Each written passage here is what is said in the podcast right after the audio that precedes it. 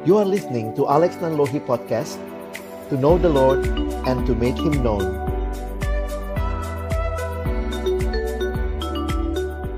Selamat malam teman-teman sekalian. Pertama-tama bersyukur Untuk kesempatan boleh berbagi malam hari ini. Terima kasih buat Mas Kris yang juga boleh memberikan apa ya undangan ini. Dan juga teman-teman yang ada di Kediri walaupun mungkin ini ada yang nggak di Kediri kali ya lagi di kampung halaman mungkin ya karena memang situasinya seperti ini kita satu sisi bersyukur melihat bahwa Tuhan tetap mengizinkan kita bisa bersekutu belajar bersama nah malam hari ini saya uh, akan uh, coba share tentang tema kita. Saya siapkan presentasi ini.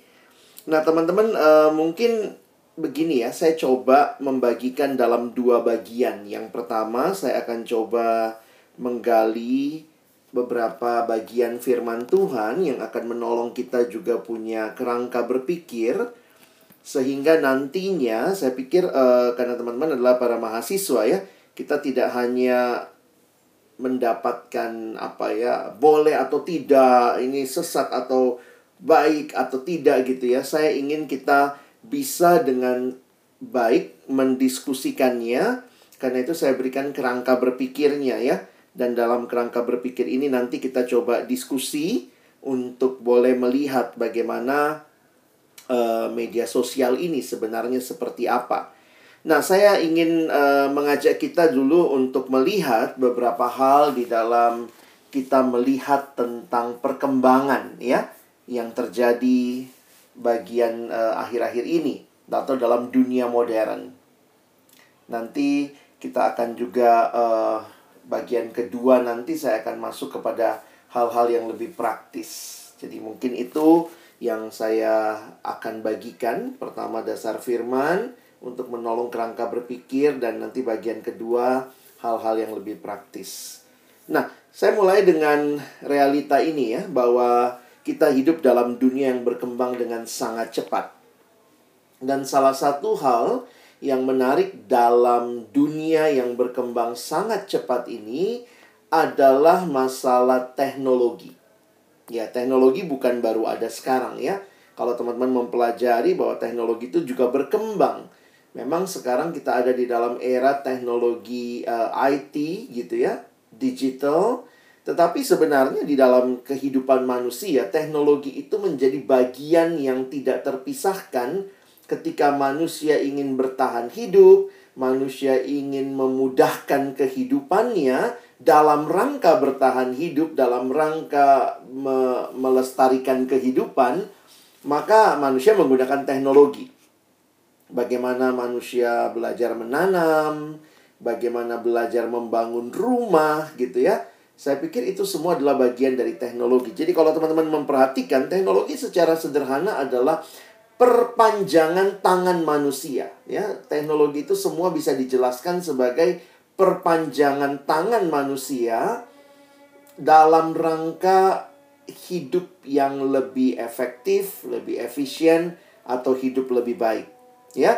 Jadi makanya kita temukan ada teknologi dalam bidang pertanian, ada teknologi dalam bidang uh, apa industri, bahkan nanti kita akan lihat gitu ya bagaimana uh, teknologi ini dekat sekali dengan kehidupan. Nah, tetapi sebagai alat ya, sebagai alat perpanjangan tangan manusia ya teknologi tetap tools ya sehingga tools ini sebagai alat juga harus bisa dilihat secara tepat. Makanya kan ada kalimat mengatakan bukan alatnya yang jadi masalah sering kali. Tetapi siapa yang menggunakan alat itu. Not the gun, but the man or the woman behind the gun. Jadi beberapa orang mau menyatakan bahwa sebenarnya secara khusus teknologi itu netral.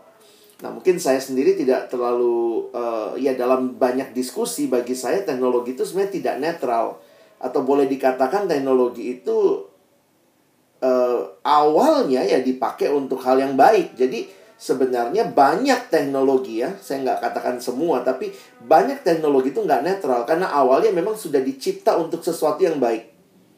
Sa tapi kemudian dipakai untuk nggak baik, nah itu akses yang lain. Jadi bagi saya nggak netral karena itu sudah positif ya diciptakan misalnya untuk menolong orang bisa hidup lebih baik. Jadi uh, uh, dalam teknologi itu ada positive side, ada negative side, is never netral gitu ya.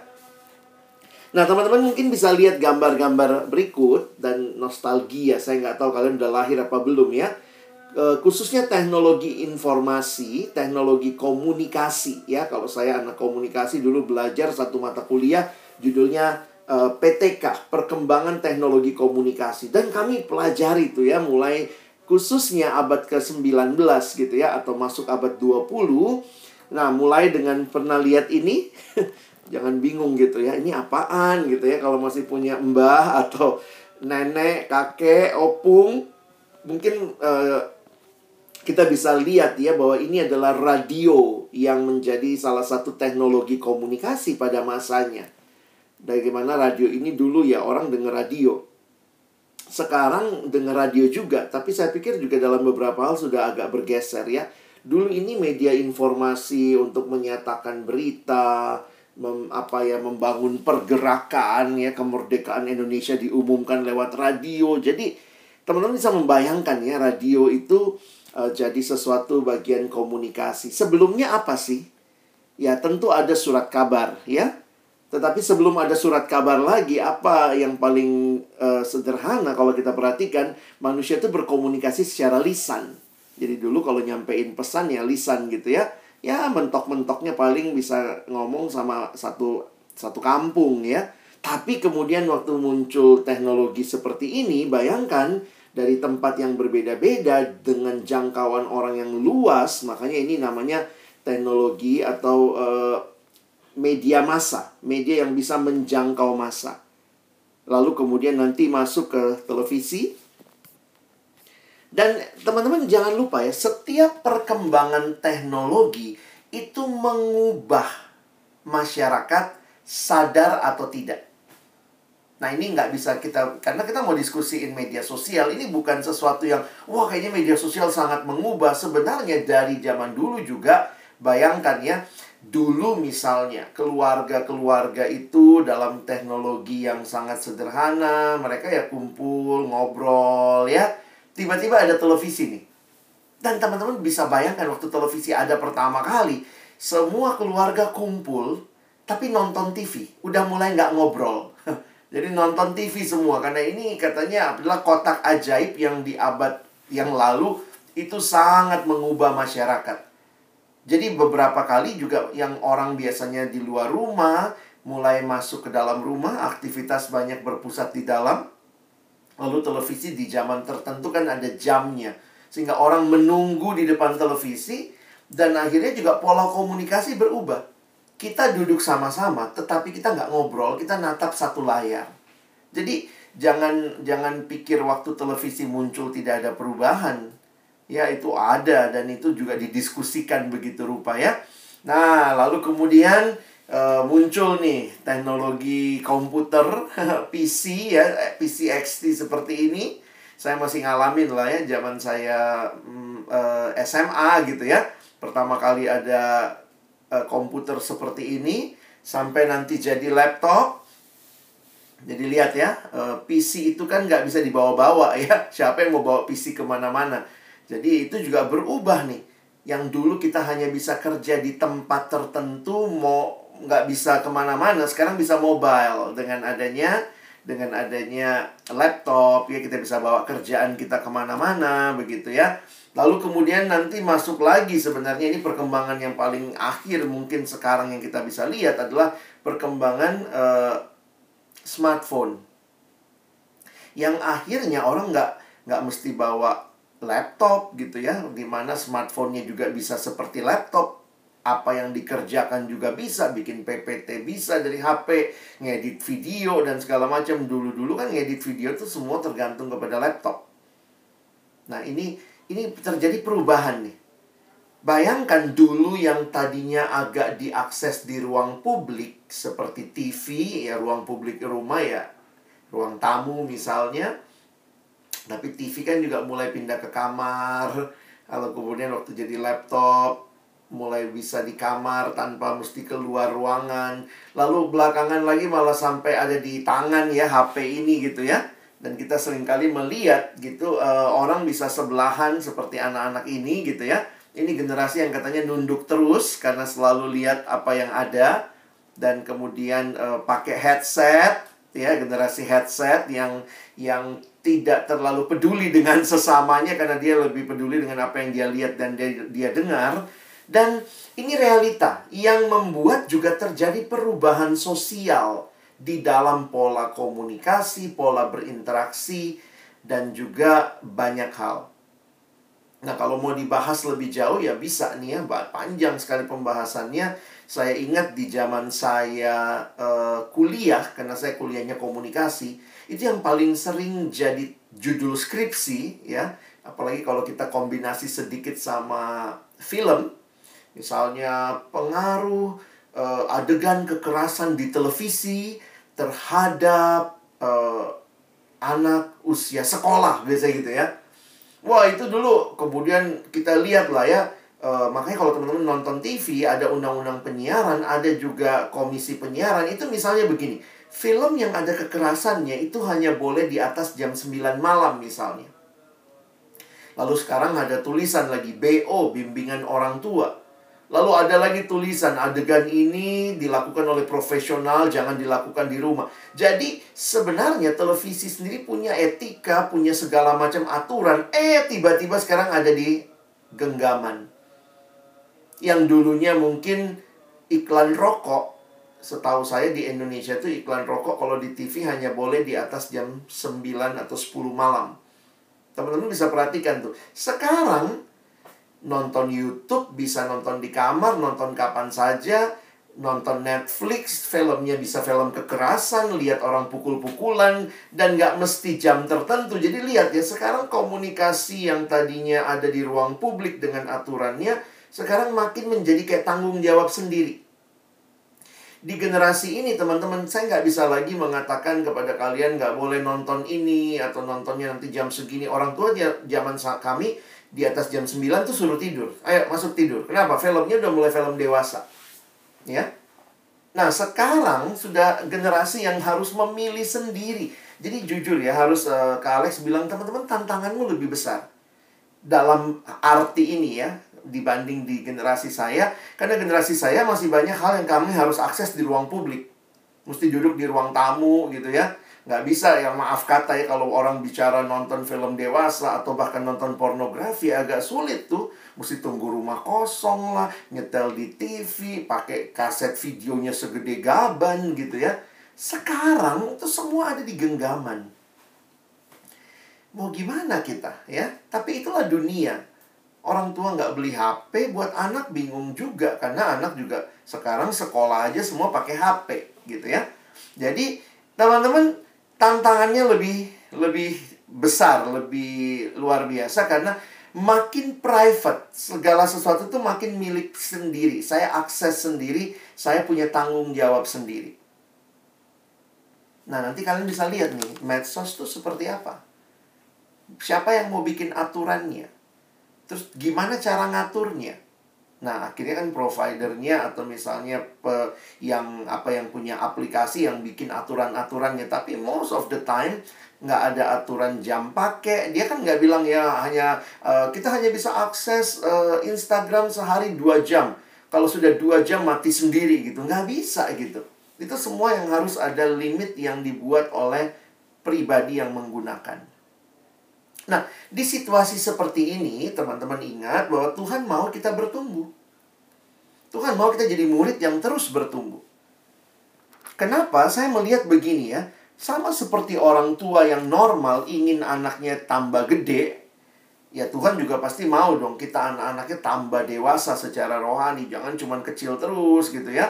Makanya kalau kita perhatikan, kehidupan orang percaya bukan hanya kehidupan yang percaya Yesus, terima Yesus. Tidak berhenti sampai di situ.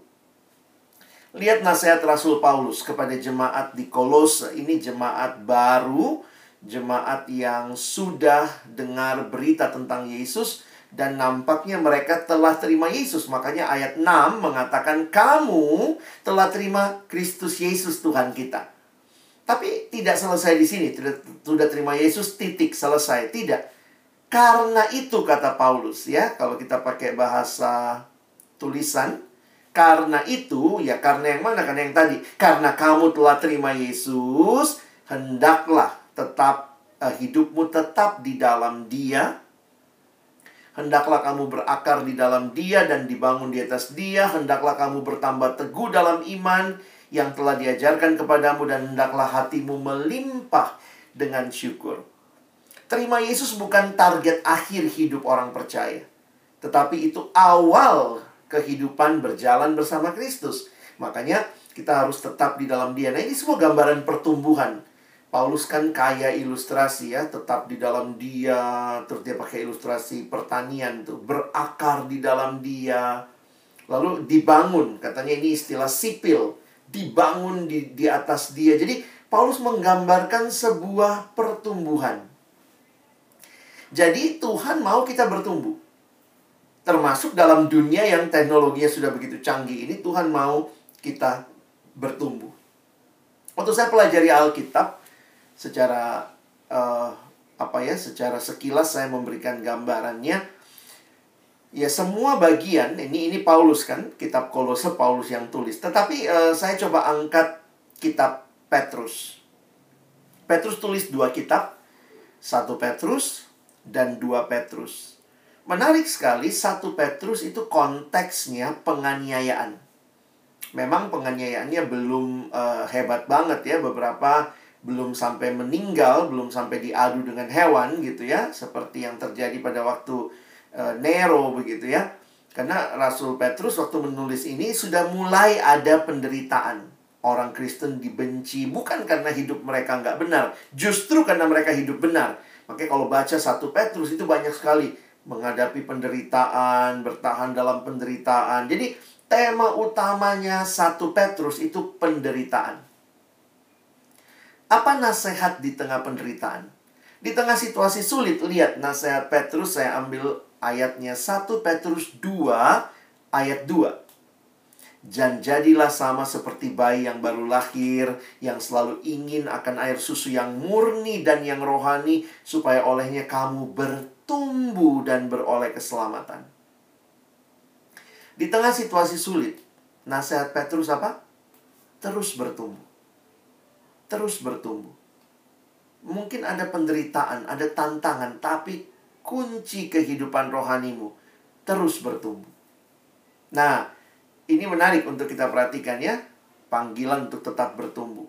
Nah, surat 2 Petrus itu surat yang kaitannya dengan mirip kayak tema kita ya, penyesatan. Karena ada guru-guru palsu yang muncul dengan berita yang palsu juga. Karena mereka melihat mana nih Yesus nggak datang-datang. Wah, sehingga akhirnya salah satu yang mereka bahas adalah soal hari Tuhan. Makanya Petrus bilang, ingat loh kalau dia belum datang bukan berarti Tuhan ingkar janji. Satu, dua Petrus tiga ya. Nah, sehingga kalau kita lihat intinya dua Petrus adalah ada penyesatan. Dan di tengah-tengah situasi seperti itu, lihat ayat terakhir dua Petrus itu ayat terakhir kitab 2 Petrus adalah 2 Petrus 3 ayat 18. Jadi cuma tiga pasal berakhir di ayat 18. Menutup surat 2 Petrus, lihat seruan Petrus. Tetapi bertumbuhlah dalam kasih karunia dan dalam pengenalan akan Tuhan dan Juru Selamat kita Yesus Kristus. Baginya lah kemuliaan sekarang dan sampai selama-lamanya. Wah bagi saya jadi menarik ini. Di tengah situasi sulit, satu Petrus teruslah bertumbuh. Di tengah banyak pengajaran sesat, dua Petrus teruslah bertumbuh. Itu kunci bagi kita untuk bertahan di dalam dunia ini. Bertahan secara rohani, tetap bertumbuh dalam Kristus menjadi seperti pohon yang ditanam di tepi aliran air. Jadi, teman-teman, saya mau mengatakan begini ya, bukan cuma karena kita bicara media sosial ya, tapi sebenarnya kita harus bertumbuh. Itu panggilan Tuhan buat kita. Bagaimana kamu bertahan dalam situasi sulit ya terus bertumbuh.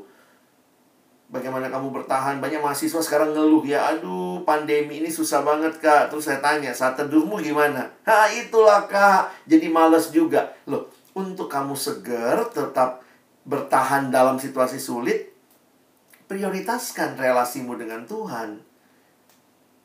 Ada lagi yang mungkin mengalami penyesatan begitu ya, bagaimana? Bagaimana tahu ajaran yang benar? Ya baca, renungkan, bertumbuh dalam ajaran yang benar. Jadi jangan akhirnya kita komplain gitu ya Tuhan ini banyak banget penyesatan Tapi Tuhan kayak mau nanya juga Kamu rajin nggak baca Alkitab? Tahu dari mana ini berita hoax atau bukan? Apalagi kalau sekarang bicara ya Sejak ada akun-akun yang unik itu ya Gereja palsu dan segala macam Itu jadi kayak kita diekspos dengan Banyak yang bertanya Ini beneran nggak ya kak?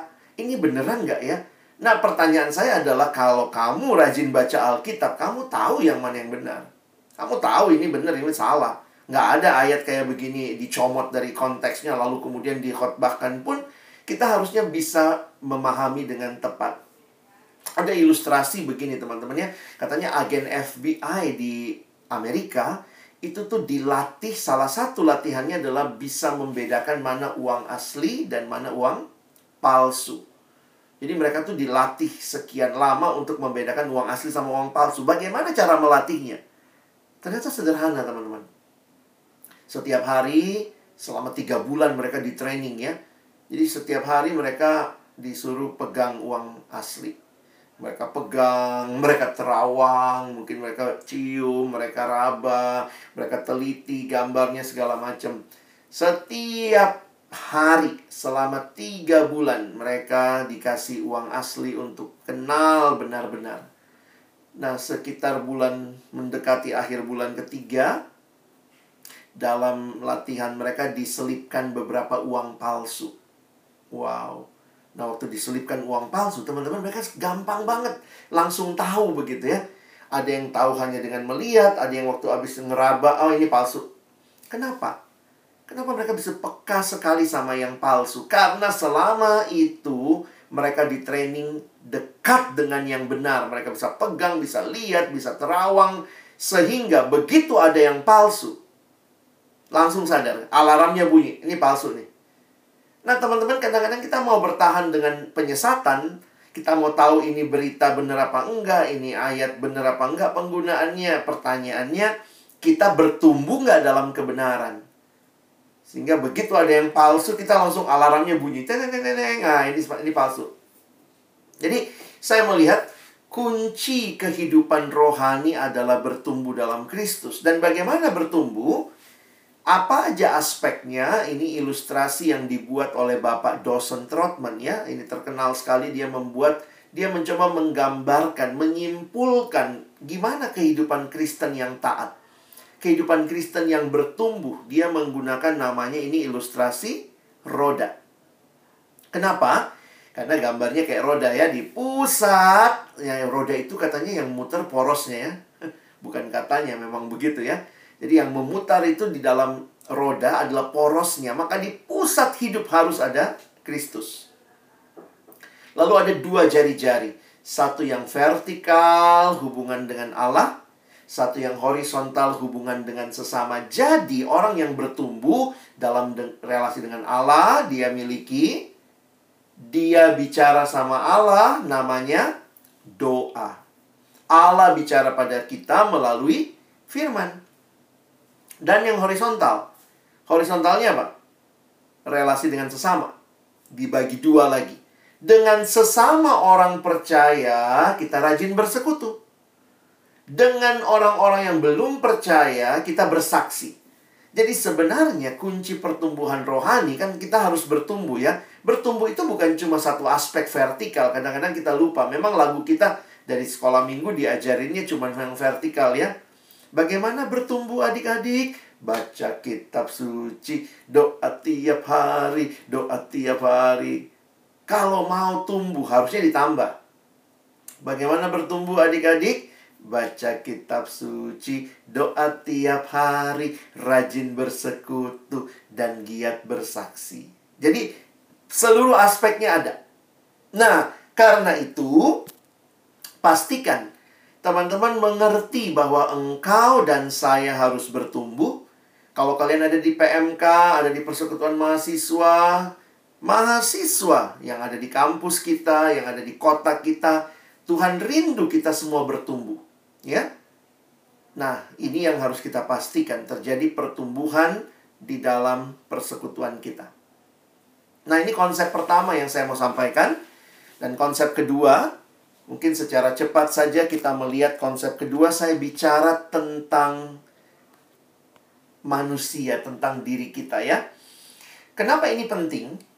Karena ini jadi satu dasar berpikir kita untuk menilai beberapa hal yang terjadi di sekitar kita. Saya mulai dengan realita ini ya. Kitab Kejadian yang mencatat awal mula segala sesuatu juga mencatat awal mula penciptaan manusia. Dikatakan manusia itu gambar Allah. Gambar dan rupa Allah. Bahasa Inggris menggunakan image of God. Nah, pertanyaan teologisnya ketika Allah ciptakan manusia, maka pertanyaannya begini. Pertama kali Allah ciptakan kita, Allah ciptakan kita untuk siapa? Nah, Allah ciptakan kita pertama dan terutama adalah untuk dirinya sendiri. Jadi bayangkan kita ini makhluk yang diciptakan oleh Allah untuk Allah.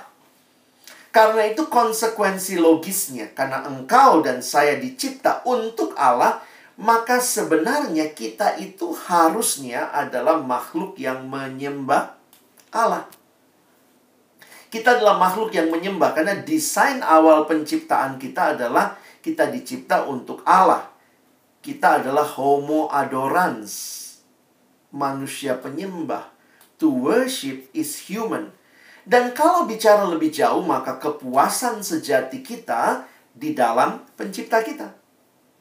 Hal ini dengan sangat baik dituliskan dalam doanya Santo Agustinus ketika dia berkata, Bapak gereja dari abad kelima, Santo Agustinus berkata dalam doanya, Tuhan, Engkau menanamkan dalam hati kami kesenangan untuk memujimu. Nah ini kalimat kuncinya. Engkau menciptakan kami bagimu dan hati kami gelisah sebelum beristirahat padamu. Dalam bahasa Inggris, permainan katanya jadi menarik ya. And our soul are restless until they find rest in you. Hati kami ini gelisah sampai akhirnya bisa istirahat padamu. Jadi memang kalimat-kalimat seperti ini mengingatkan kita ya. Sama seperti kalimat dari Blaise Pascal. Ini bukan ketemu rumus kita ya. Di sini kita ketemu kalimat kunci yang menarik. Blaise Pascal ini seorang Kristen yang taat, juga menulis beberapa buku rohani. Dia mengatakan hati manusia biar kecil, namun jika seisi dunia diisi ke dalamnya tetap tidak akan memuaskannya. Hanya sang pencipta yang bisa memuaskannya. Perhatikan kerangka berpikir ini ya. Jadi kalau kamu cari kepuasan dalam hal-hal yang sementara, no, nggak bakal bisa. Makanya kesimpulannya, kepuasan sejati tidak akan pernah kita dapatkan dari ciptaan mau itu seseorang, mau itu sesuatu selama kategorinya ciptaan, never. Kenapa? Karena kita hanya dapat kepuasan dari pencipta. Jadi bukan yang horizontal yang bisa memuaskan kita kalau kategorinya hanya ciptaan, hanya yang vertikal yang bisa memuaskan kita. Jadi perhatikan, kalau manusia adalah homo adorans, maka pilihan kita ya, kadang-kadang kita pikir, oh saya punya pilihan seperti ini nih Oh, menyembah atau tidak menyembah. Enggak, teman-teman, bukan ini pilihannya. Bukan ini pilihannya. Karena manusia adalah makhluk yang pasti menyembah. Karena kita diciptakan sebagai makhluk yang menyembah. Maka pilihannya adalah dua-duanya menyembah. Pertama, kita sedang menyembah Allah yang benar. Atau kita sedang menyembah Allah yang salah. Nah, Allah yang salah ini di dalam kekristenan disebut sebagai berhala.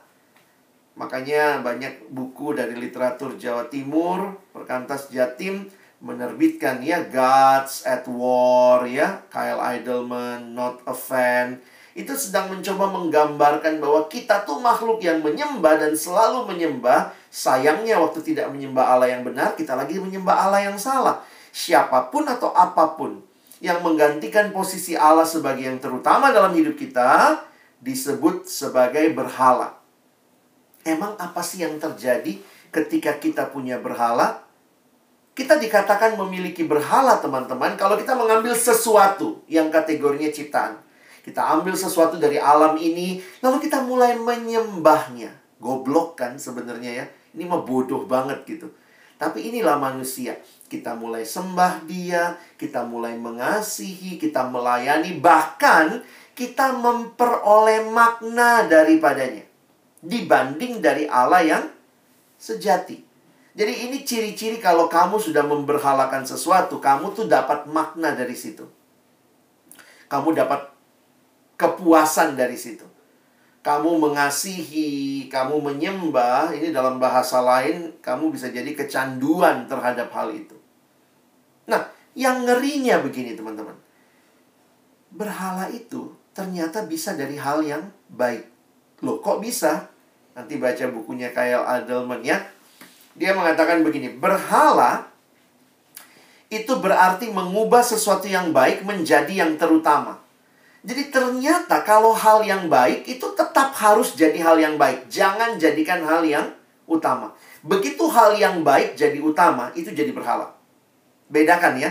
Yang baik tetap baik. Yang utama hanya satu harusnya, hanya Tuhan. Jadi lihat ya, sekali lagi kalau kita mengutamakan contoh nih, uang. Begitu kamu, uang tuh hal baik kan? Ya baik dong, masa siapa yang gak butuh uang. Tetapi begitu kamu mengutamakan uang, kamu mulai mengasihinya, menyembahnya, melayaninya, bahkan memperoleh makna. Saya itu berharga kalau saya punya banyak uang. Wah, itu manusia seperti itu. Memberhalakan hal yang baik karena dia menempatkan yang baik itu jadi yang terutama.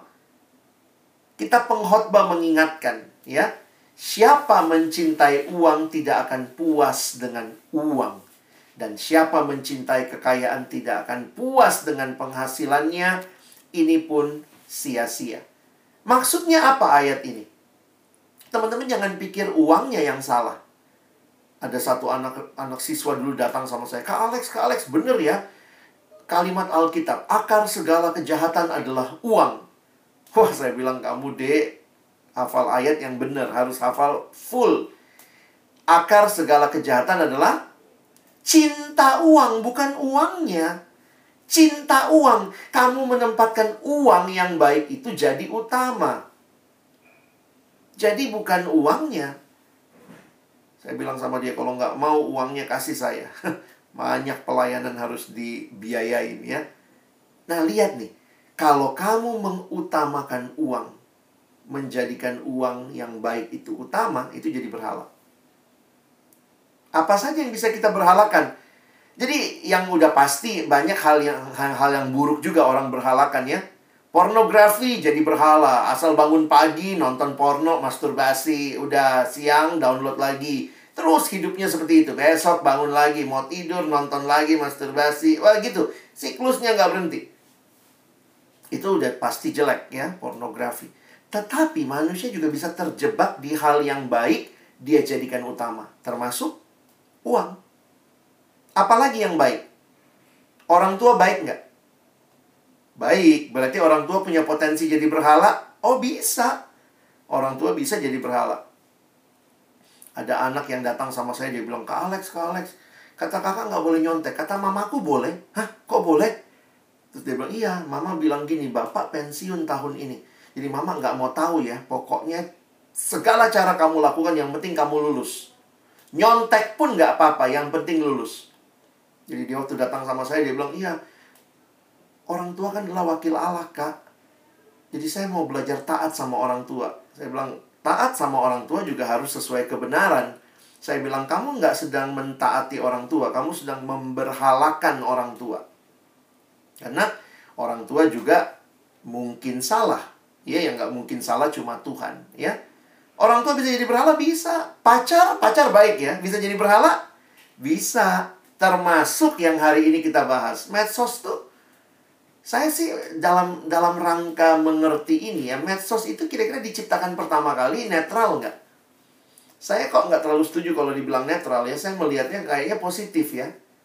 Pencipta pertamanya menciptakannya supaya dipakai mengkonek orang satu sama lain. Media, social media. Jadi eh, nampaknya kalau saya lihat memang dari awal diciptakan untuk yang baik. Soal nanti dipakai yang nggak baik itu eksesnya. Tetapi teknologi ini diciptakan untuk sesuatu yang baik. Tapi kemudian orang jadikan ini yang baik jadi berhala. Nah, jadi ini bayangkan tuh. Ketika sosmed jadi berhala, game online. Satu sisi saya pikir ada game-game yang diciptakan memang untuk baik, untuk relaksasi, untuk orang bisa pleasure, uh, recreation. Jangan pikir Tuhan gak suka dengan hal-hal yang menyenangkan. Oh, Tuhan juga peduli sama kehidupan kita. Kata recreation, rekreasi adalah menciptakan ulang. Jadi Tuhan sering kali menciptakan kita kembali dalam arti memberikan istirahat, memberikan kesegaran waktu kamu rekreasi. Nonton film, baca buku, denger lagu, main game, itu semua hal yang baik. Tapi kalau kamu jadikan utama, wow. Jadinya game online segala-galanya. Harga dirimu tergantung kamu level berapa. Ketemu teman, hm, saya dong, sudah level segitu. Kamu dapat makna dari situ. Kamu menjadikan itu berhala tanpa kamu sadari. Drama Korea bagus nggak? Bagus ya, Vincenzo bagus ya. Tapi kemudian orang menjadikannya apa? Bisa jadi berhala juga gitu. Kamu udah nonton seri ini belum? Wah, saya dong sudah ya. Jadi akhirnya kita menjadi dapat arti hidup dari situ. Nah, jadi saya ingin kasih kerangka berpikirnya ya, bahwa ketika medsos, social media menjadi hal utama dan jadi segala-galanya, harga dirimu kamu lihat tergantung berapa banyak like yang kamu dapat, kamu nggak lagi lihat harga dirimu dari Tuhan, kamu akhirnya menggunakan itu hanya untuk stalkerin orang, dapat dapat info tentang orang dan kemudian mungkin kamu cuman kepoin atau kamu bawa dalam imajinasimu. Beberapa orang senang juga uh, follow akun-akun yang gambarnya nggak pantas gitu ya. Kamu bisa pakai yang baik itu untuk jadi hal yang mengerikan. Beberapa orang pakai Twitter untuk apa? Nonton porno.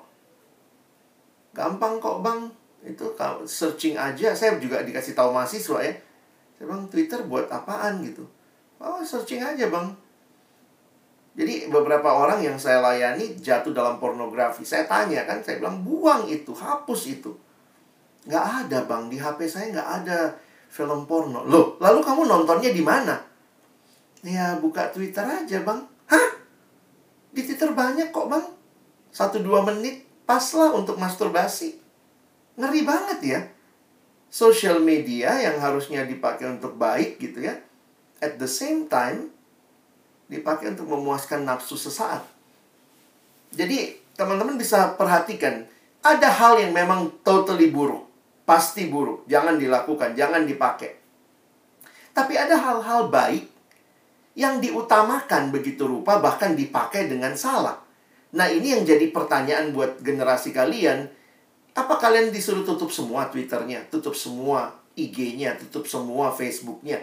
Saya pikir juga bukan demikian ya. Berdiskusi dengan mahasiswa bukan tutup, tidak boleh punya IG, tidak boleh punya ini. Itu sesat. Tapi pertanyaannya kamu pakai buat apa? Karena itu pembinaan seperti ini menolong teman-teman untuk melihat ya bahwa penyembahan berhala itu ada di mana-mana. Kenapa? Karena hal yang baik bisa jadi berhala loh dan memiliki kuasa atas tindakan-tindakan kita karena memiliki kuasa atas hati kita. Menarik sekali ya, Tuhan Yesus pun tahu persis masalah utama manusia itu di mana? Di hatinya. Jadi kalau ditanya, what is the heart of the problem? The heart of the problem is the problem of the heart. Oh, hati-hati dengan hatimu. Makanya Amsal mengatakan, jagalah hatimu dengan segala kewaspadaan, karena dari situlah terpancar kehidupan. Tokoh reformasi Martin Luther menggali banyak tentang berhala ini. Dilanjutkan lagi sama Yohanes Calvin. Calvin bahkan bilang begini. Hati manusia itu adalah pabriknya berhala. Makanya ini terkenal sekali kalimatnya. The human heart is a factory of idols. Kenapa? Karena kita kan selalu menyembah. Jadi kita nggak ada tuh kesempatan nggak menyembah. Kalau kita sedang tidak menyembah Allah yang benar, kita sedang menyembah yang bukan Allah yang benar, berhala. Makanya uh, Calvin ngomong, kita tuh selalu bikin berhala baru, apalagi yang saya sembah ya, apalagi ya, dan selalu menolak menyembah Allah, menyembah yang bukan Allah. Dan hanya ketika hatimu dipenuhi oleh kasih Kristus, kau buka hati terima Yesus, janji Tuhan, Yehezkiel 36 ayat 25, aku akan memberikan hati yang baru, hati yang terus-menerus rindu menyembah Allah. HP yang baik bisa jadi HP yang memberhala karena mengikat kita. Banyak orang punya smartphone, tapi ini smartphone atau goblok phone ya. Karena justru dengan smartphone ya dia jatuh dalam dosa. Dengan smartphone dia nonton porno, dengan smartphone dia chatting-chatting yang nggak pantas, dengan smartphone dia video call video call yang nggak benar dan itu terjadi ini ekses dari era digital yang saya pikir kita nggak bisa tutup mata ya. Katanya manusia evolusinya sudah berkembang sekarang ya. Makin menjadi manusia informasi jadi Google. Nah ini hal-hal praktis yang saya mau bagikan di akhir dari pembahasan kita. Kalau kalian perhatikan, katanya ini generasi yang kalian sampai sekarang basic human needs-nya harus ditambah ya. Bukan sandang pangan papan, tapi wifi juga ya. Ini generasi yang marah bukan karena nggak ada makanan, marahnya kalau wifi mati gitu ya. Dan impactnya ini sadar atau tidak ya dalam sosial media. Tidak bisa kita sangkali bahwa pengguna sosial media begitu banyak di dunia. Ya, ini dari uh, beberapa website yang saya coba perhatikan ya. Saya mau coba bagi sedikit tentang di Indonesia lah ya kita kan tinggal di Indonesia. Jadi uh, Kak Alex selalu ikuti perkembangan digital media di Indonesia. Paling tidak saya ikuti laporannya APJII. Asosiasi Penyelenggara Jasa Internet Indonesia. Mereka selalu mengeluarkan laporan survei per 2 tahun atau 3 tahun. Sekarang kayaknya per 2 tahun ya. Yang terakhir memang baru ada yang tahun 2018 Berarti kalau dia surveinya 2018, yang disurvei itu kira-kira tahun 2017 ya. Nah ini dia keluarkan. Teman-teman ini naik terus ya. Bayangkan Indonesia ini kan penduduknya tuh kira-kira 260 juta. Berapa banyak yang sudah punya akses dengan internet? Nah ini datanya. Dulu tuh masih di bawah 50% bisa akses internet. Sekarang secara global sebangsa satu Indonesia, kita tuh sudah bisa mengakses sampai 64% penduduk sudah punya akses terhadap internet. Dibandingkan sama 2017, lihat sampingnya, itu masih 54. Bayangkan, selisih satu tahun naik 10%. Dengan Jokowi membuat apa ya tol, tol udara, tol laut begitu ya dengan satelit dan segala macam saya yakin ini tahun depan bahkan mungkin dengan pandemi ini ya kita sudah sampai sekitar 80%. Jadi 70% kan dikit lagi mungkin kita sudah sampai 80% bisa akses internet dalam 1 2 tahun ke depan. Berarti ya tidak bisa tutup mata. Ini sudah di depan pintu. Orang yang nggak pakai internet malah aneh sekarang. Walaupun internet itu bisa jadi pornografi, bisa jadi uh, orang belajar rakit bom gitu ya dari YouTube dan segala macam kita nggak bisa bendung itu. Itu kebutuhan juga. Nah masih paling tinggi pengguna paling tinggi masih di mana? Di Jawa. 55% bayangkan Jawa yang sekecil itu akses internetnya atau dibanding seluruh Indonesia kita 55% dan itu yang lain share-nya di pulau-pulau yang lain. Jadi di Jawa sendiri yang masih paling tinggi itu Jawa Barat. Ya saya pikir nggak nggak nggak ini juga lah ya Jawa Barat. Kenapa? Karena lokasinya luas. Jawa Barat itu salah satu provinsi paling besar kan di Indonesia. Nah dibanding dan juga penduduknya padat maksudnya ya. Nah kalian di Jawa Timur itu peringkat ketiga. Ya Jawa Timur tuh peringkat ketiga ya Kediri masih di Jawa Timur kan belum pindah ya nah perhatikan lagi kenapa ini jadi menarik karena uh, sebenarnya gini ada APJII di Indonesia Lalu mereka punya asosiasi lagi yang sedunia. Nah, kadang-kadang menarik tuh membandingkan datanya ya. Berdasarkan umur, berdasarkan umur tuh yang paling tinggi 15 sampai 19. Gile ya. Ini generasimu lah, umur-umur kamu gitu ya. Itu yang paling tinggi punya akses terhadap penggunaan internet. Nah, apa yang dipakai dengan internet ini? Kan internet itu uh, ininya ya platformnya. Apa saja yang dipakai? Ternyata kita di Indonesia masih paling banyak tuh komunikasi lewat pesan. 24,7 persen. Lalu yang kedua, nah lihat nih ya, ini negara kita ya, plus 62 nih. Yang kedua adalah sosial media. Jadi saya pikir kita mesti sedikit concern dan membahas sosial media dalam pelayanan kita. Yang ketiga, barulah mencari informasi terkait pekerjaan dan termasuk pendidikan. Nanti kalian bisa lihat yang kecil-kecil di bawahnya itu ya. Nah, menarik dibandingkan beberapa negara yang lebih maju dari kita, misalnya kayak Amerika, banyak atau pengguna untuk sosial media dengan menggunakan internet untuk pendidikan itu agak imbang. Kita itu kayaknya baru sekarang nih, mungkin kalau sesudah pandemi ini di survei, nah kita kelihatan tuh dipakai buat pendidikan karena semua online. Tapi sebelumnya kita tuh untuk cari kerja, belajar sesuatu, pendidikan, internet itu dipakai untuk sosial media paling banyak itu di Indonesia. Sosial medianya apa saja? Secara Indonesia ternyata masih lebih banyak Facebook. Ya, uh, Facebook memang masih paling tinggi kecuali memang kalau kalian lihat di Jawa ya di Jawa itu uh, mulai banyak anak anak remaja tuh ke Instagram tapi juga jangan lupa kan yang Facebook ini pakai kan banyak yang tua-tua juga ya. Dan kayaknya yang lama tuh banyak pakai Facebook. Lalu yang kedua Instagram yang ketiga YouTube yang paling sering dikunjungi. Saya yakin angka ini naik semua begitu pandemi ya. Entah mungkin YouTube menyaingi Facebook dan Instagram karena apa-apa nyarinya di YouTube sekarang. Nah, kan kebaktian juga YouTube. Apa YouTube gitu ya nanti lama-lama kalau disurvey nih YouTube bisa lebih tinggi dari uh, atau sejajar sama Facebook. Nah, satu data lagi yang saya pikir menarik untuk kita perhatikan adalah data dari bilangan research yang mengeluarkan beberapa tahun lalu teknologi digital dan media sosial dampak terhadap gereja dan pelayanan gerejawi. Saya kutip beberapa saja data mereka, ya. Ini. Dia mensurvei generasi muda dan media sosial, lalu temuannya ini jumlah waktu yang digunakan anak muda untuk media sosial sangat relatif tinggi. Facebook, Instagram, Line, WhatsApp, dan YouTube merupakan lima media sosial yang paling banyak dimiliki. Instagram lebih populer untuk responden di Jakarta dan Jawa, sedangkan Facebook masih populer di luar Jawa. Apa yang kita bisa baca dari data ini? Nah, ini beberapa kesimpulan mereka.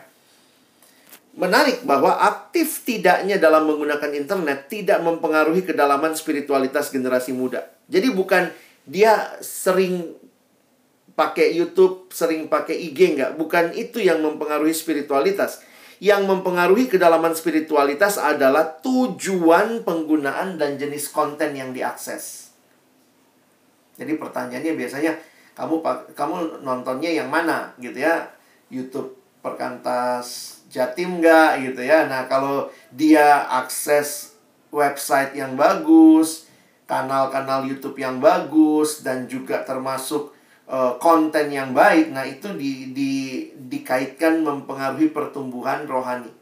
Sekali lagi ini data-data sebelum pandemi.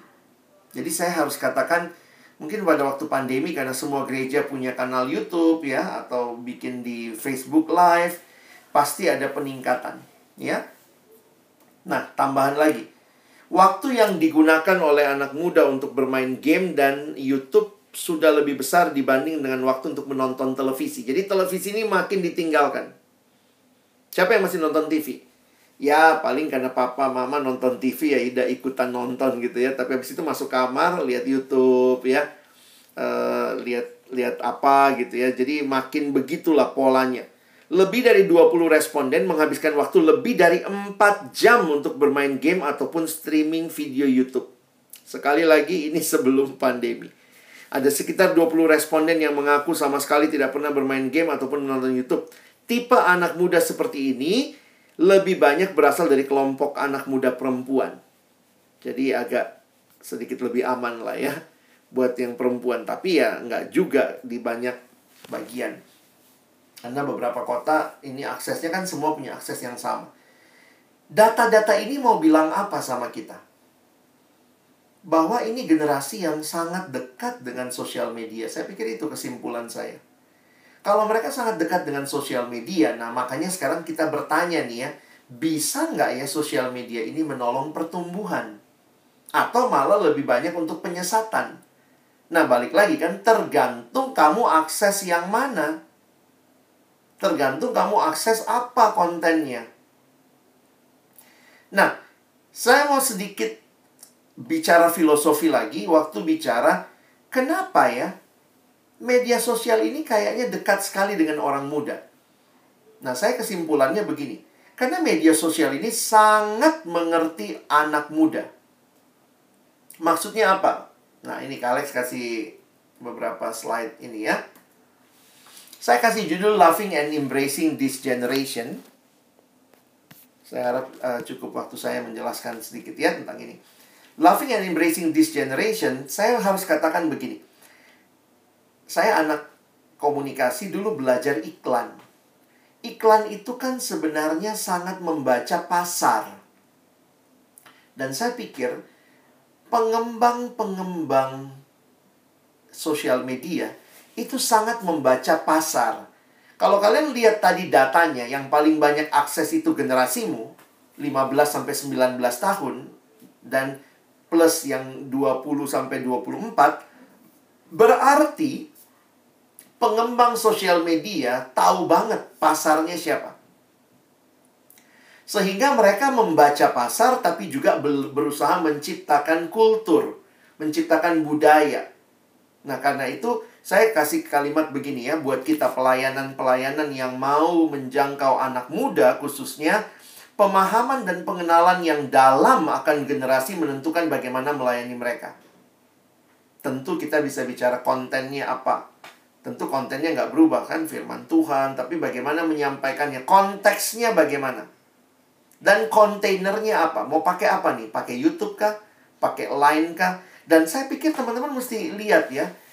Tentu walaupun kalian di Jawa, tapi coba pelajari mahasiswa di Kediri itu lebih banyak pakai yang mana misalnya. Sehingga kita nggak mesti kayak bebek juga. Oh, semua punya IG. Udah bikin IG aja. Apakah memang orang-orang yang kita layani, tanda kutip, kalau kita mau pakai IG kita untuk pelayanan, menonton atau mengakses IG atau Instagram ya, kita mesti peka tuh melihat. Jadi teman-teman, walaupun ada banyak data seperti ini, kita mesti lihat saya pergi ke satu daerah, saya bicara Instagram segala macam, waktu saya turun, staffnya ngomong begini, Ika, kami di daerah sini, anak-anak nggak nggak banyak yang punya Instagram, paling tiga orang. Hah?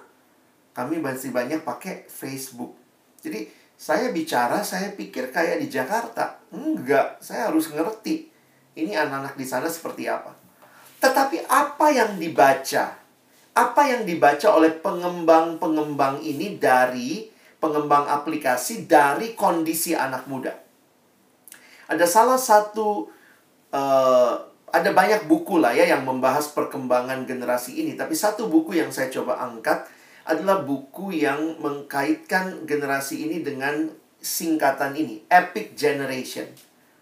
Ya, saya pikir ini memang generalisasi banget ya, nggak nggak nggak pas juga seperti ini. Tapi ini secara umum lah Epic Generation ini mengatakan bahwa generasi baik yang Y, yaitu milenial dan Z, itu generasi yang mereka kategorikan epic.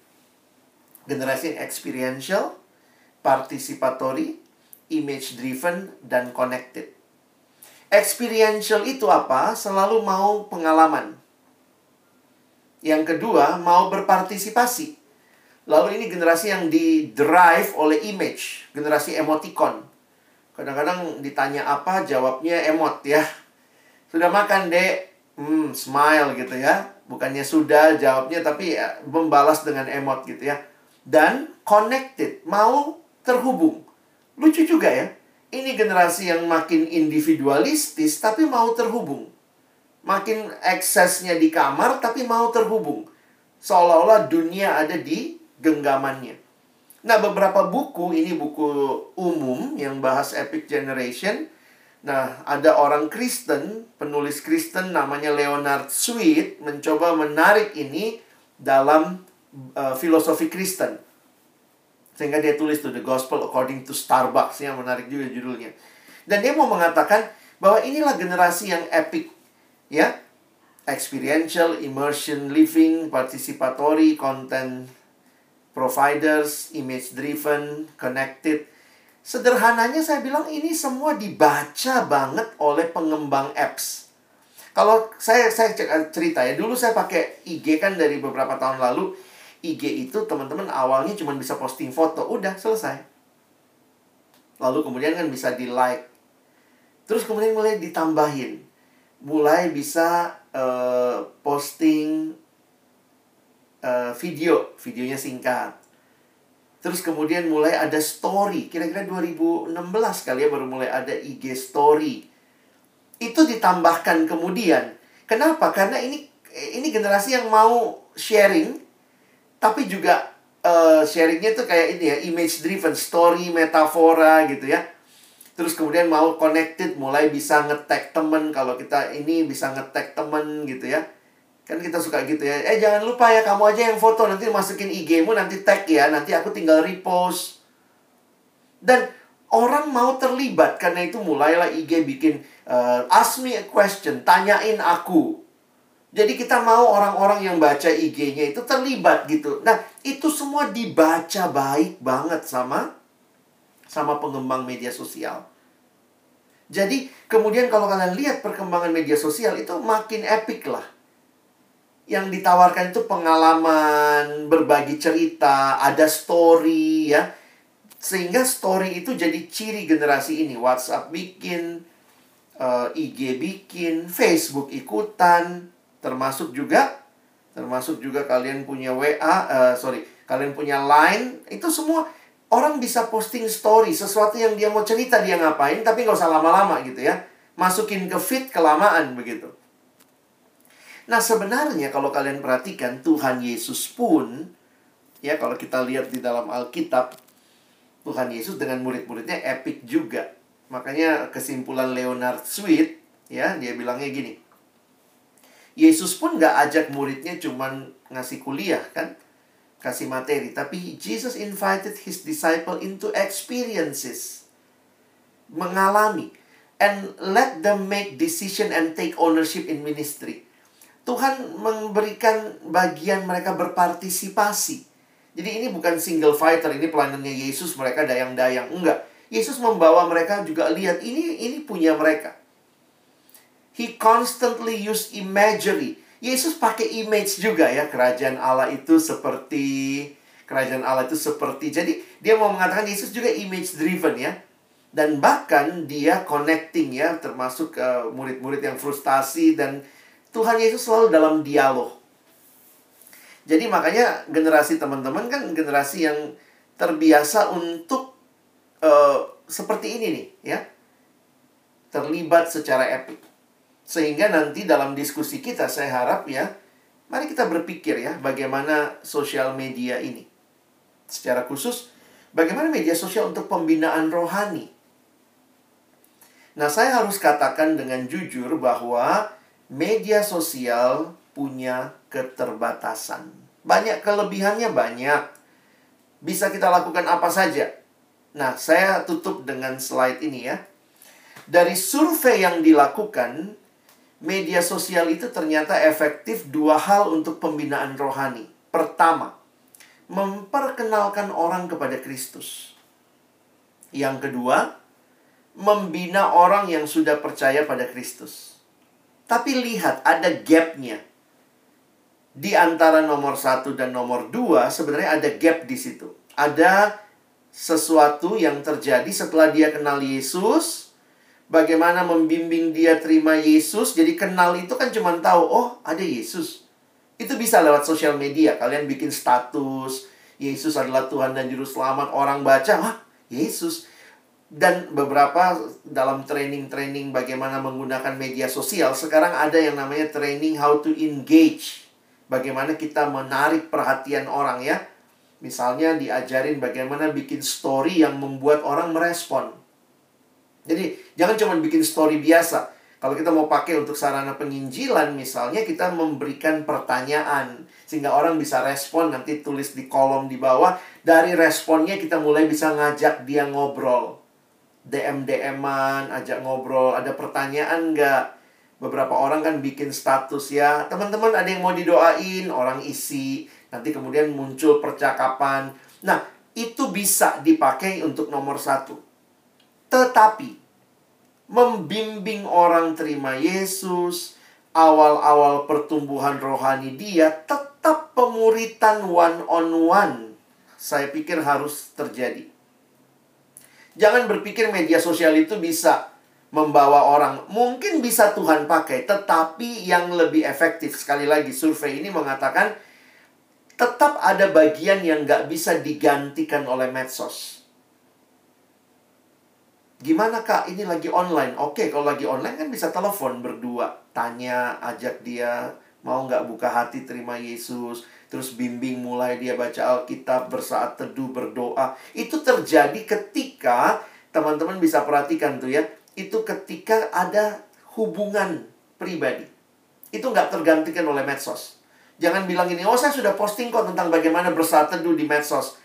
Di dalam bagian ini kritikal sekali kalau orang itu dibimbing. Makanya kalau masih bisa kelompok kecil, perjuangkan. Lalu yang kedua, sesudah dia terima Yesus, maka apa yang kita posting di media sosial itu bisa membina dia lebih lanjut. Ya, membina misalnya dia sudah percaya Yesus, sudah pengurus, teman-teman mungkin sudah anggota yang sering datang ke pelayanan, maka kalian bisa tuh melalui medsos misalnya ya, melalui status atau apa statusnya uh, apa uh, eh, IG PMK misalnya di situ kalian bisa dapat pembinaan bagaimana cara ini cara itu. Tapi sekali lagi untuk orang yang sudah percaya tetap ada bagian yang tidak tergantikan. Yang saya pikir tetap pelayanan pribadi pelayanan kelompok kecil itu utama dalam pelayanan kita.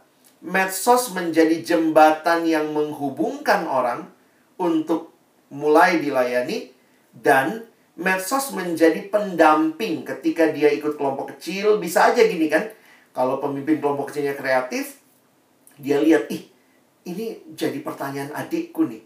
Dia masih pacaran sama nggak seiman. Eh, terus kemarin room line-nya Perkantas Jawa Timur pas ngebahas itu. Nah, saya akan bilang ke adik saya, atau mungkin di kelompok kecil, nanti nonton ya. Nah, medsos itu fungsinya itu, nanti nonton ya di sini ya, lihat ya tetapi tetap dibimbing. Sehingga saya pikir kata kuncinya adalah kita tetap memfokuskan kepada pemuridan. Nah, kiranya eh, wawasan-wawasan ini menolong kita punya kerangka berpikir sehingga kita tidak jadi memberhalakan medsos, tapi juga kita tidak menolak medsos, tapi bisa memaksimalkannya dengan baik untuk membawa orang mengenal Kristus, dan semakin bertumbuh di dalam Kristus. Amin.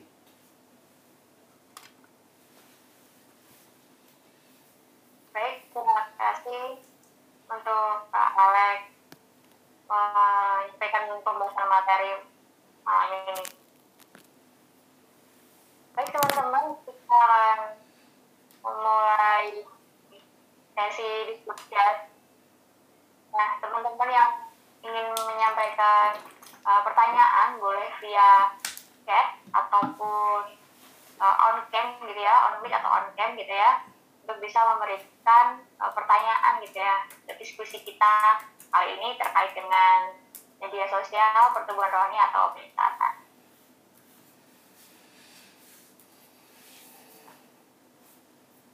Sambil menunggu teman-teman yang mau bertanya, saya juga mau menyimpulkan dari pembahasan kita malam ini yaitu uh, media sosial pertumbuhan rohani atau penyesatan. Yang disampaikan tadi ada ada juga ayat-ayat yang mendukung bagaimana kita diajak uh, Tuhan Yesus untuk me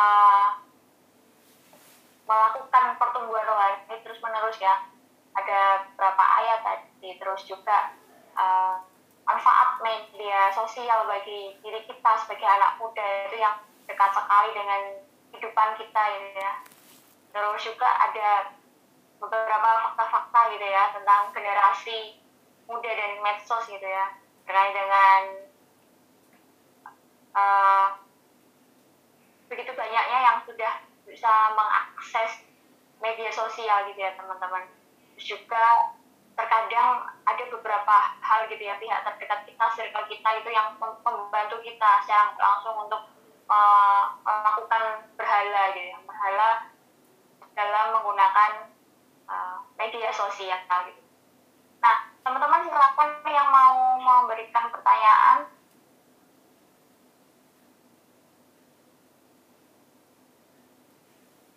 Yo, silakan Mas Kris. Ya, Bang Alex, Bang Alex sebenarnya kan uh, di media sosial kan bukan bukan baru ya, maksudnya yeah. teman-teman tahu lihat.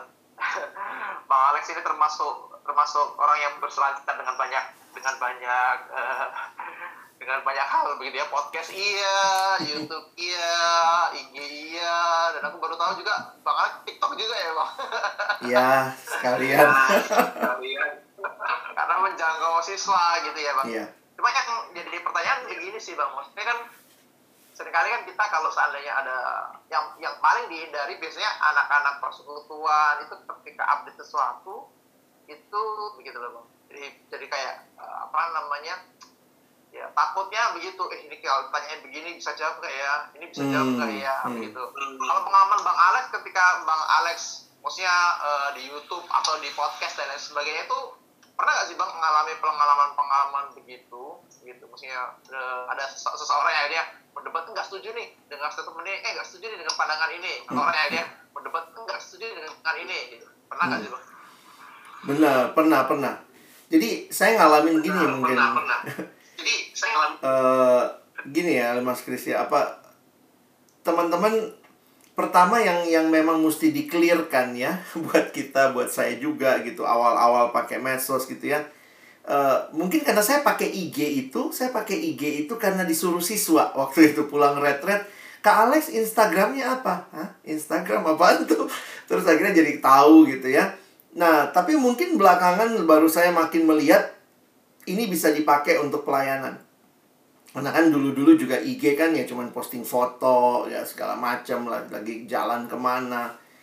Nah, ketika kita posting sesuatu, pertama uh, clearkan motivasi. Jadi buat teman-teman yang mau share sesuatu, firman Tuhan atau apa pun itu gitu ya clearkan apa yang ada di hati kita dengan tujuan yang jelas, motivasi yang jelas bahwa saya posting ini karena saya ingin berbagi. Kenapa itu penting? Mungkin buat saya yang paling yang lebih utama lagi sebenarnya postinglah sesuatu yang memang pengalaman pribadimu, sesuatu yang kamu tanda kutip kuasai mungkin ya, pahami jadi itu jadi lebih genuine sehingga kalau ada yang nanya sebenarnya kita bisa balas, kita bisa jawab. Memang dalam beberapa kali saya posting karena selalu ya namanya medsos itu ada time constraint, ada masalah waktu. Misalnya dulu di IG, kenapa kami bikin semenit menikmati sabda? Kenapa cuma semenit? Mana mungkin semenit bisa membahas ayat dalam-dalam? Ya karena IG feed di feed IG itu video tuh maksimal satu menit. Nah, apakah orang seneng swipe-swipe? Saya lihat sih anak sekarang nggak suka nge-swipe kalau video gitu ya. Jadi, mungkin kalau yang tulisan lebih seneng gitu. Nah, akhirnya ya kami menggunakan dasarnya itu. Sekarang pakai TikTok 15 detik. Aduh, tambah pusing lagi gitu ya. Bisa. Sekarang TikTok sudah bisa 3 menitan begitu. Tapi itu itu membuat kita juga harus berstrategi apa yang mau disampaikan dan nah karena itu saya saya punya beberapa prinsip juga sih ya yang saya pelajari ya. Sebenarnya kalau kita mau posting ya postinglah sesuatu karena memang kita ikut Kristus. Jadi apa yang kamu nikmati dengan Kristus itu yang kamu posting ya. Seperti Paulus bilang ikutlah aku karena aku mengikut Kristus. Jadi jangan hanya fokus saya ngeposting supaya dapat banyak follower. Oh, mungkin kamu kecewa kali ya. Belajarlah posting sesuatu karena kamu pengikut Kristus. Because you follow Christ, share something. Nah, lalu kemudian ini ya masalah memilih mediumnya apa, message-nya apa. Jadi mesti sadar nih kalau kalau YouTube bisa panjang, sekarang IGTV bisa panjang ya, tapi kalau mungkin masuk ke IG IG feed ya terbatas. IG story 15 IG story 10 detik bahkan. Nah, kita mesti tahu nih mediumnya apa, message-nya apa yang mau disampaikan. Kadang-kadang di situ kontroversinya. Nah, yang supaya nggak membingungkan ya sharing aja apa yang kamu tahu dan kamu alami. Nah, gimana meresponi orang yang bilang beda? Ya hargai aja perbedaan Oh thank you ya, saya sih ngelihatnya begini. Kalau kamu lihatnya berbeda, nggak apa-apa, makasih sharingnya. Saya pikir sih terbuka aja ya. Nah tapi saya ngelihat gini, Chris ya. Yang yang menarik adalah ada beberapa orang yang justru sharing dan dari sharing itu terjadi tanda kutip ya saya bisa layani dia melalui DM DM-an gitu ya. Dan saya melihat uh, di dibanding yang nggak setujunya ya ada aja yang nggak setuju ya netizen jahat banyak juga ya baik yang jahat karena cuma mau ngejatuhin ataupun yang sebenarnya memang pengen tahu ya sehingga kenapa dia beda nah itu jadi menarik tapi saya malah lebih nikmatin juga akhirnya banyak pelayanan yang terbuka karena IG-IGan ini gitu ya secara khusus ya jadi itu juga masalah teman-teman kalau kamu belajar di medsos mau jadi berkat belajar setia deh. Jangan gini ya, hari ini ada yang follow atau ada yang nge-like. Begitu like-nya kurang, kita berhenti posting. Wah, nggak setia lagi ya.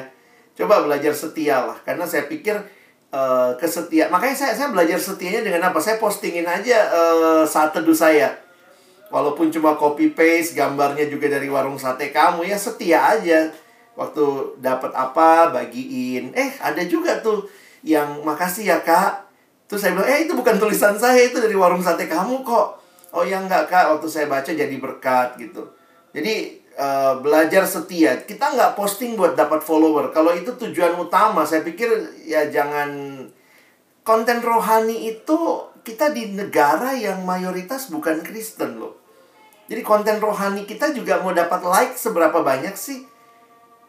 Beberapa kali di TikTok itu kan agak promising ya wow dapat banyak like. Ternyata orang itu nonton 2 3 kali kan kehitung terus ya. Apalagi kan singkat setiap kali buka bisa jadi dia lihatnya 2 3 kali itu kehitung ditambah di kita gitu. Belum tentu orang yang lihat sebanyak itu. Lalu ini nanti bedakan antara ketegangan antara dunia maya sama dunia nyata. Maksud saya begini loh. Jangan cuman share banyak di dunia maya tapi dalam dunia nyata teman-teman ya nggak berjuang jadi berkat gitu. Itu yang kadang-kadang sedih ya e, baik banget di dunia maya tapi dunia nyata ternyata yang di sekitarnya nggak nggak dia peduli nah mungkin itulah ya tips-tips untuk e, jaga hati lah paling penting ya kalau mau bermedsos ini. Karena gini alogo, algoritmanya medsos ini memang yang kayak gitu.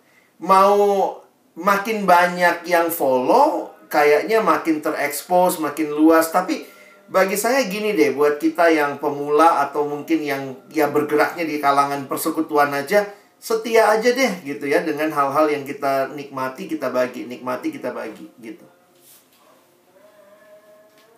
mungkin gitu Mas Kris Oke, thank you bang. Yep. Udah ada pertanyaan. Oh udah ada ya. Di kolom chat. sudah terjawab ya Kak Kris apa ada feedback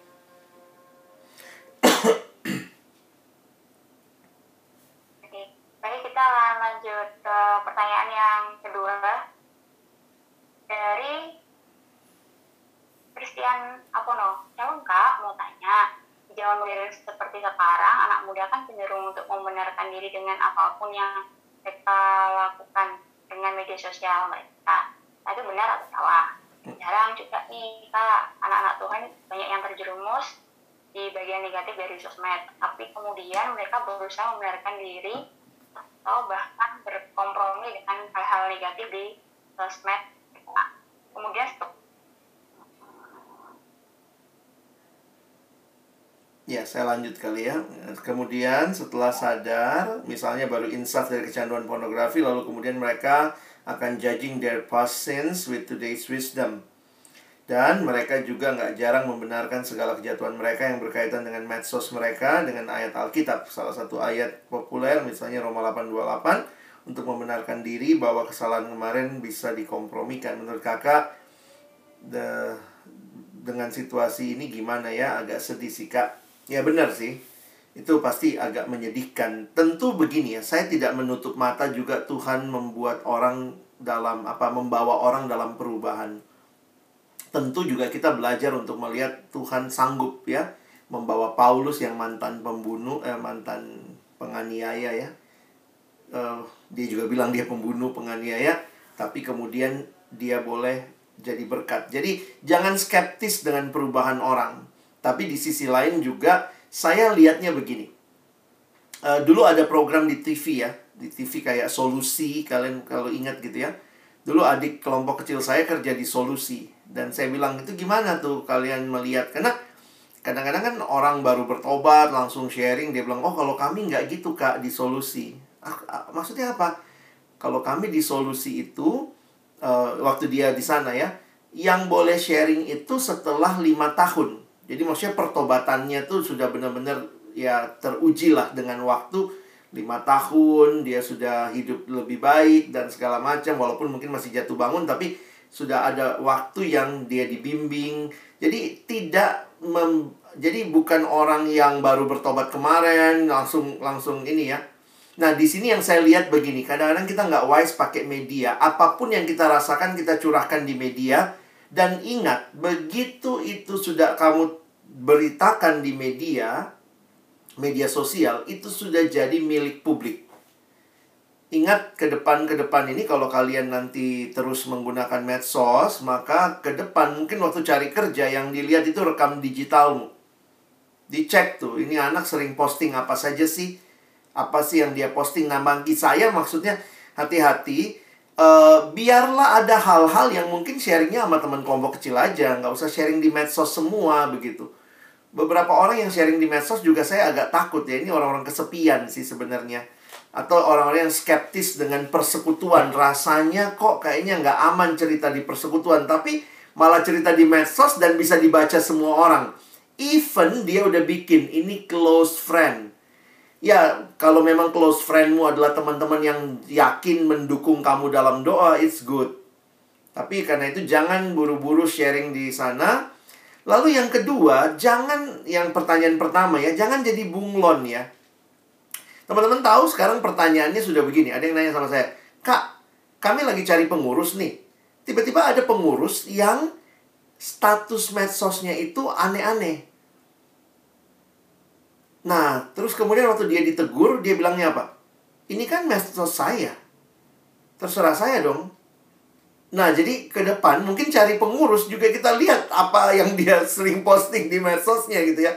Jadi bukan cuma rajin persekutuan, tapi medsosnya pun memberikan dampak yang positif. Nah, poin saya ya tentu saya bilangnya gini ya. Kita itu pribadi yang utuh yang tadi saya bilang di dunia nyata dan di dunia maya. Kadang-kadang kita bermedsos, padahal ingat itu sosial. Tapi kita ngerasa kita mengungkapkan perasaan pribadi tapi begitu kamu ungkapkan itu jadi milik semua orang dan ketika orang misalnya mengkomentari, ya mesti belajar menerima juga. Makanya saya bilang perlu identitas yang kuat. Kita tahu nih di dunia nyata, dunia maya, saya nggak jadi orang yang berbeda. Nah ini yang saya agak takut.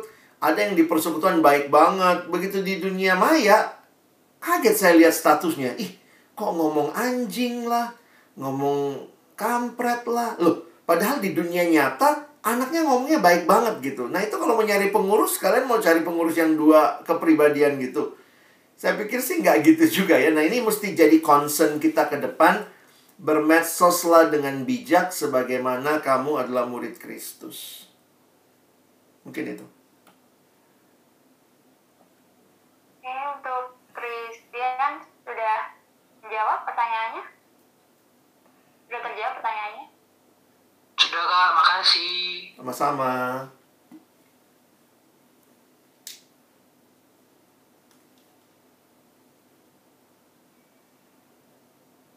Ini ada lanjutan pertanyaannya? Let's Grow ini mengacungkan tangan ingin bertanya. Oh. Silakan. Enggak, enggak, enggak lanjut. Next, Kak. Oke. Untuk pertanyaan yang kedua dari Mega Karna. Shalom Kak, saya mau nanya apa yang seharusnya kita lakukan biar kita tidak ketergantungan sama media sosial sekarang. Apalagi media sosial sekarang sangat gampang menemukan postingan-postingan yang kurang bagus atau tidak wajar. Apalagi zaman sekarang kita dituntut menggunakan media setiap hari ataupun tiap Iya, ini ini pertanyaan real banget ya dan saya juga harus katakan eh, teman-teman mesti ya mesti belajar memilih ya. Kadang-kadang nggak ada tips yang gimana-gimana banget selain memang relasi dengan Tuhan di dikuatkan karena dengan kedekatan dengan Tuhan sebenarnya kan kita jadi tahu apa yang baik, apa yang benar dan kita juga harus punya selalu kesadaran gitu bahwa hal yang kita suka itu belum tentu selamanya baik. Dalam arti ya kita suka mungkin main game atau apa kalau nggak ada batasnya itu akan sulit. Makanya mungkin perlu punya komunitas yang saling mengingatkan saling mengevaluasi hidup ya. Kalau bisa juga punya target-target harian di mana jadi kalian bisa tahu nih kalau ini belum tercapai ya ini nggak dilakukan. Tapi memang pada akhirnya banyak hal yang teman-teman harus secara pribadi ambil keputusan karena kalau kamu sudah sulit ambil keputusan, itu namanya sudah kecanduan. Nah, itu bahkan mungkin butuh bantuan profesional kalau sudah kecanduannya dalam. Uh, ada seorang yang pernah saya layani sampai keluar kuliah karena kecanduan game online. Dan itu benar-benar, saya, saya dulu mikir, ya elah, game online dan zaman itu masih warnet loh padahal. Warnet itu kan kita mesti datang, bayar gitu ya Nah sekarang kan udah bisa di HP, di laptop, kita ke mana-mana. Dia waktu itu sangat mengerikan begitu ya. Karena kami sudah coba tolong, jadi terbalik tuh jam tidurnya dia kuliahnya memang siang. Jadi dia ambil kuliah siang, tapi malam dia main game sampai pagi. Pagi dia tidur, tapi karena juga tetap kurang tidur, tugas nggak selesai, badan makin kurus, di di warnet kemudian ternyata dia ikut anak-anak yang kalau nongkrong itu biar nggak ngantuk ngerokok minum sambil main game. Akhirnya puncaknya keluar kuliah nggak selesai s satunya. Dan itu orang yang saya bina gitu ya dan itu adik yang sangat rohani tadinya. Makanya hati-hati dengan pergaulan yang buruk merusakkan kebiasaan yang baik. Ya Martin Luther kasih ilustrasi begini Saudara tidak bisa melarang burung terbang di atas kepalamu. Yang bisa saudara lakukan adalah melarangnya supaya nggak bikin sarang di kepalamu. Ya, kita nggak bisa bilang tutup semua medsos. Kamu nggak bisa larang tutup semua medsos. Saya beli semua medsos lalu saya bakar. Nggak bisa. Yang bisa kamu lakukan adalah bilang saya stop dengan hal itu. Kalau kamu nggak bisa sendiri, mintalah bantuan komunitas. Kalau sampai komunitas juga nggak bisa nolong, kamu mesti masuk rehabilitasi. Karena berarti sudah kecanduan parah. Mungkin itu kali. Ada yang lagi raise hand? Yang mau tanya kembali. Ini ya, Paulus Alberto. Mau bertanya. Silakan. Halo, shalom. Shalom. Iya nih Pak, saya sedikit sharing nih. Saya kenapa sih kalau kita udah melakukan yang terbaik, tapi kenapa sih masih salah di mata orang Oke.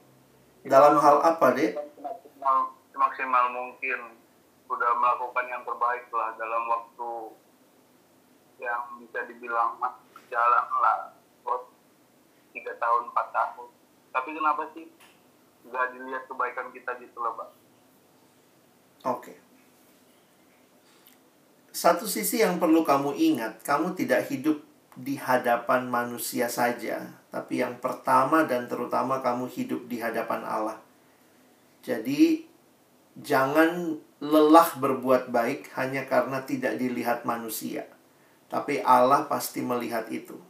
Nah, saya nggak tahu pergumulan apa yang kamu alami, tapi memang buat teman-teman yang juga bermedsos kadang-kadang kita tuh pingin tampil baik maksimal di medsos kita. Sehingga memang banyak kemungkinan pencitraan yang kita posting hanya yang senang-senang saja kesannya hidup kita sangat aman nyaman. Nah saya pikir di situlah kalian butuh komunitas yang bukan hanya medsos untuk sharing. Ya kamu butuh komunitas yang lebih real teman-teman yang bisa doakan kamu kalau kita offline sebenarnya ya teman-teman yang bisa puk-puk pundakmu, bisa peluk kamu waktu kamu punya pergumulan. Nah, jadi kalau mungkin Paulus juga melihat saya sudah berbuat baik kok orang nggak perhatikan, ya kita nggak sekadar hidup di depan orang.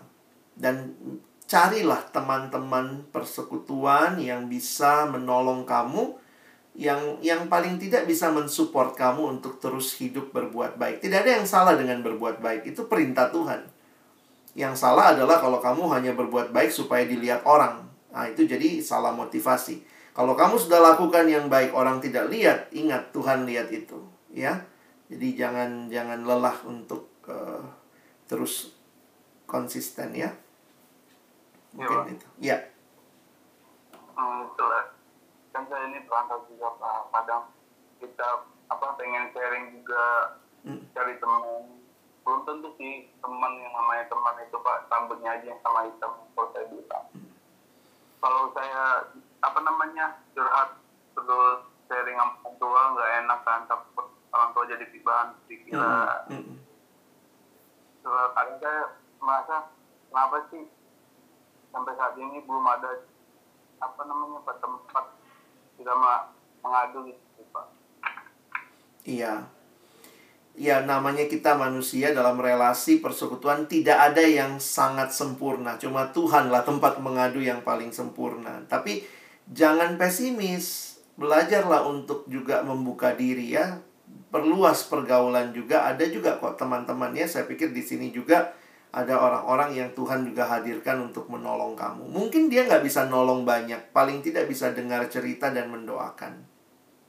Jadi, eh, ada ada satu kalimat yang saya juga pernah renungkan. Sebenarnya kalimatnya menarik bilangnya gini.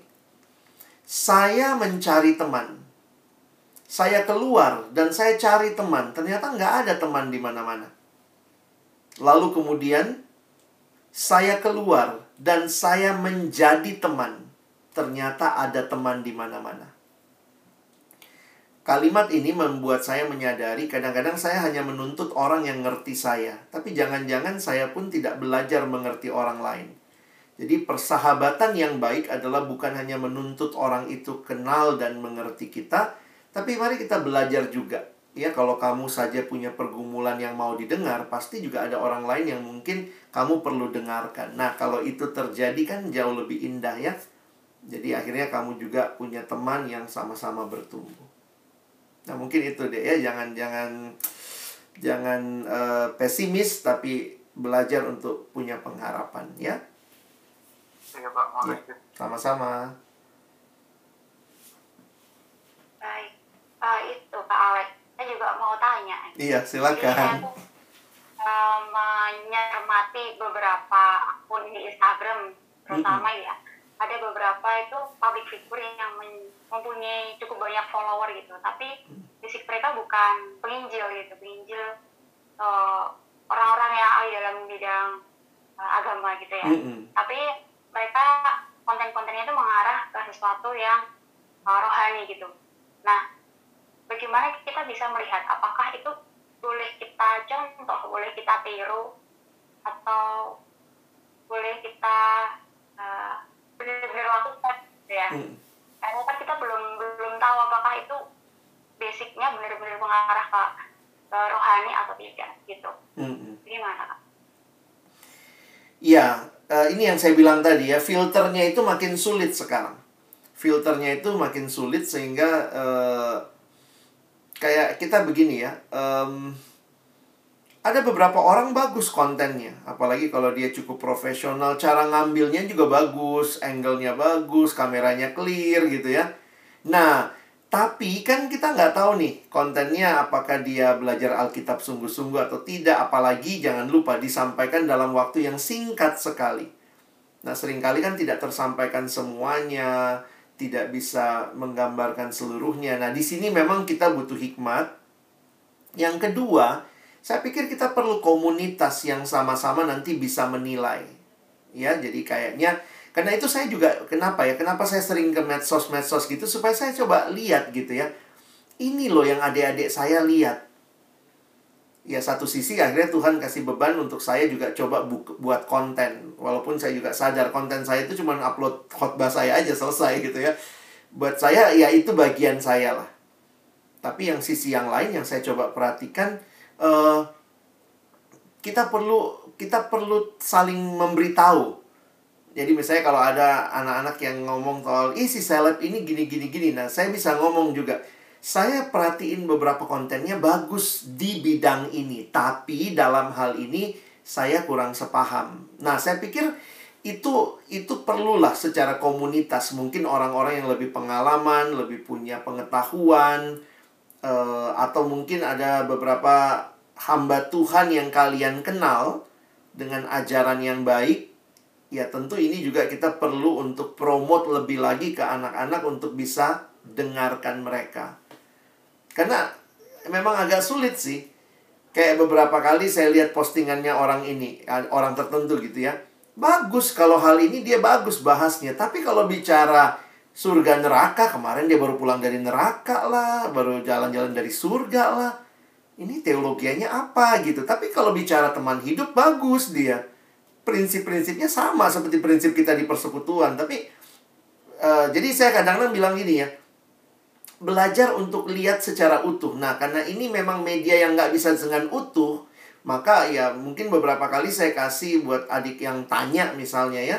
Karena beberapa kali kan dia dia kayak komplain saya kak tapi si pastor ini bilangnya begini begini begini. Nah akhirnya saya mesti belajar juga gimana cara menjawabnya. Nah, biasanya kalau saya pas punya konten atau saya lihat misalnya ada hamba Tuhan yang baik membahas itu, saya forward aja, Dek, coba dengar ya, ini ada pandangan yang lain.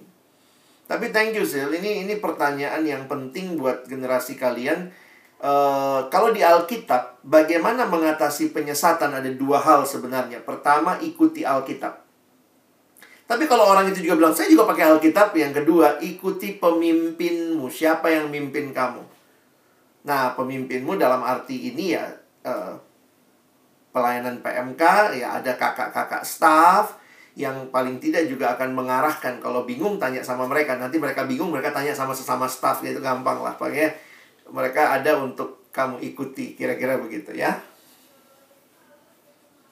Makasih, Kak. Sama-sama. Ini ada, ini ada satu pertanyaan lagi dari teman-teman partisipan yang ingin Oh. bertanya.